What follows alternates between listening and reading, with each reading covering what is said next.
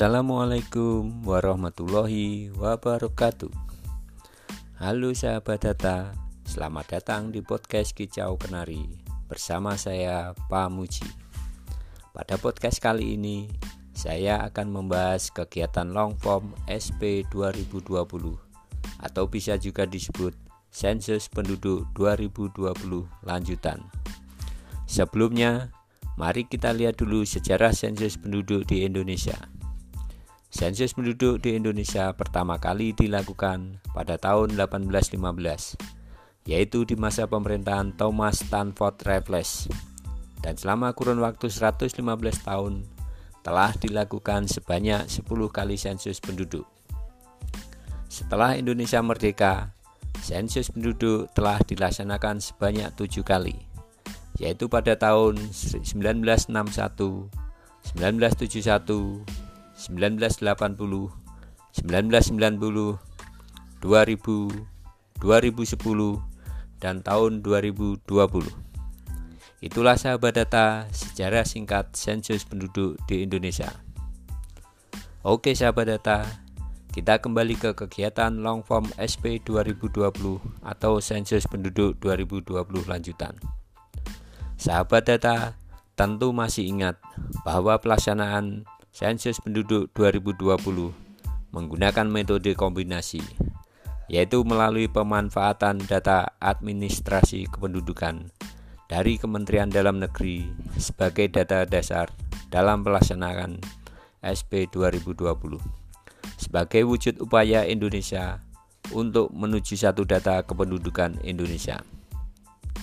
Rangkaian kegiatan SP 2020 dilaksanakan ke dalam dua tahapan, yaitu pendataan penduduk dengan menggunakan short form pada tahun 2020, di mana pendataan dilakukan dengan sensus penduduk online dan sensus penduduk September 2020. Kemudian akan dilanjutkan dengan menggunakan long form pada tahun 2021.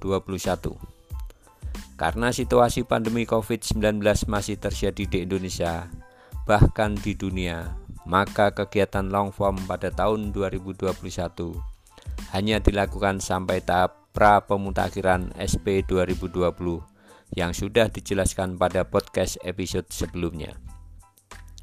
Dalam rangka mendapatkan parameter demografi yang akurat, perlu dilakukan kegiatan sensus penduduk lanjutan, di mana pendataan dilaksanakan untuk mengumpulkan data-data yang lebih lengkap, tidak hanya terkait parameter demografi, tetapi juga terkait pendidikan, disabilitas, ketenaga kerjaan, maupun perumahan. Oleh karenanya, dirancang adanya sensus sampel sebagai sensus penduduk lanjutan di tahun 2022 menggunakan kuesioner yang memuat pertanyaan yang lebih banyak dan lebih kompleks atau disebut sebagai pendataan long form SP 2020. Adapun tujuan dari pendataan long form SP 2020 adalah yang pertama, untuk memperkirakan jumlah, distribusi, dan komposisi penduduk. Memperoleh data untuk penghitungan parameter demografi, antara lain kelahiran, kematian, dan migrasi. Sebagai sumber data dari indikator angka kematian ibu. Untuk memperbarui data yang akan digunakan dalam penghitungan proyeksi penduduk. Menyediakan data karakteristik penduduk dan perumahan sebagai sumber data dari indikator kependudukan untuk SDGs yang tidak dapat diperoleh dari sumber lain. Kegiatan pendataan long form SP 2020 dilakukan mulai 15 Mei sampai dengan 30 Juni 2022 secara serentak di seluruh Indonesia termasuk di Kota Blitar. Kegiatan long form SP 2020 diawali dengan pemutakhiran rumah tangga pada blok sensus terpilih dan pemilihan sampel pada 15 sampai 31 Mei 2022 dan dilanjutkan dengan pendataan rumah tangga terpilih di seluruh wilayah sampel pada 1 sampai 30 Juni 2022.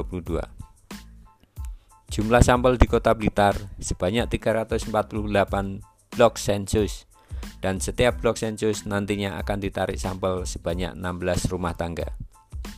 Pada tahap pemutakhiran rumah tangga dilaksanakan secara door to door dengan mendatangi semua keluarga dan rumah tangga yang ada di blok sensus dengan menggunakan kuesioner kertas. Sedangkan pada penjajahan sampel rumah tangga dilakukan dengan menggunakan metode KPI, Computer Assisted Personal Interview. Jadi, nanti petugas akan mewawancara rumah tangga sampel menggunakan perangkat HP dan langsung menginput datanya melalui sistem ICS, Integrated Collection Survey, yaitu sistem yang berbasis Android yang dikembangkan oleh BPS. Pada kegiatan pendataan long form SP 2020, data yang dikumpulkan antara lain karakteristik penduduk yang meliputi nama lengkap, hubungan dengan kepala rumah tangga, umur, jenis kelamin, tanggal, bulan, dan tahun lahir, status perkawinan, nomor induk kependudukan, suku, agama, dan kewarganegaraan. Data migrasi meliputi tempat lahir, tempat tanggal terakhir, tempat tinggal lima tahun yang lalu, alasan melakukan migrasi, aktivitas komuter, dan migrasi internasional. Yang ketiga, pendidikan dan komunikasi. Itu meliputi ijazah atau STTP tertinggi yang dimiliki, kemampuan berbahasa Indonesia, bahasa pertama yang dikuasai, penggunaan bahasa daerah dalam komunikasi sehari-hari. Yang keempat, disabilitas. Meliputi disabilitas anak umur 2-4 tahun, kesulitan atau gangguan penglihatan, kesulitan atau gangguan pendengaran, kesulitan atau gangguan berbicara dengan bahasa yang sering digunakan, kesulitan atau gangguan berjalan naik tangga, kesulitan atau gangguan menggunakan jari dan tangan, kesulitan atau gangguan mengingat atau berkonsentrasi, kesulitan atau gangguan dalam berpikir dan belajar dan atau mengalami disabilitas intelektual, kesulitan gangguan perilaku dan emosional, serta kesulitan atau gangguan untuk mengurus diri sendiri seperti mandi, makan, berpakaian, buang air besar dan buang air kecil. Yang kelima, ketenaga kerjaan, meliputi kegiatan bekerja seminggu yang lalu, lapangan usaha atau bidang pekerjaan yang utama, jenis pekerjaan atau jabatan yang utama, serta status pekerjaan utama. Yang keenam, fertilitas meliputi anak yang dilahirkan dalam keadaan hidup, anak kandung yang masih hidup, baik tinggal bersama ibu kandung maupun tinggal terpisah, anak kandung yang sudah meninggal, kelahiran hidup sejak 1 Januari 2017, serta kelahiran hidup sejak 1 Januari 2021. Yang ketujuh mortalitas meliputi kejadian kematian sejak 1 Januari 2017. Jumlah anggota rumah tangga yang meninggal, bulan, tahun, dan umur saat meninggal, jenis kelamin anggota rumah tangga yang meninggal, penyebab kematian, serta kematian maternal.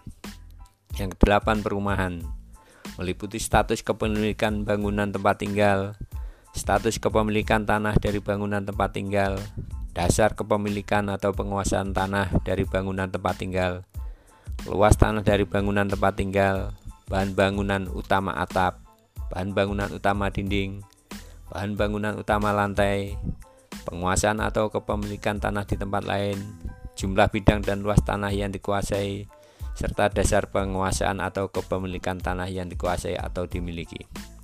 Sahabat data, Data penduduk yang akurat dan mutakhir sangat dibutuhkan sebagai dasar perencanaan pembangunan oleh pemerintah pusat maupun pemerintah daerah. Untuk itu perlu dukungan dari semua pihak termasuk sahabat data. Sahabat data dapat berpartisipasi dalam pelaksanaan long form SP 2020 dengan menerima kedatangan petugas dan memberikan data yang sebenarnya untuk pembangunan Indonesia menuju Indonesia tumbuh, Indonesia tangguh. Sekian dulu ya sahabat data. Sampai jumpa di podcast Kicau Kenari selanjutnya. Wassalamualaikum warahmatullahi wabarakatuh.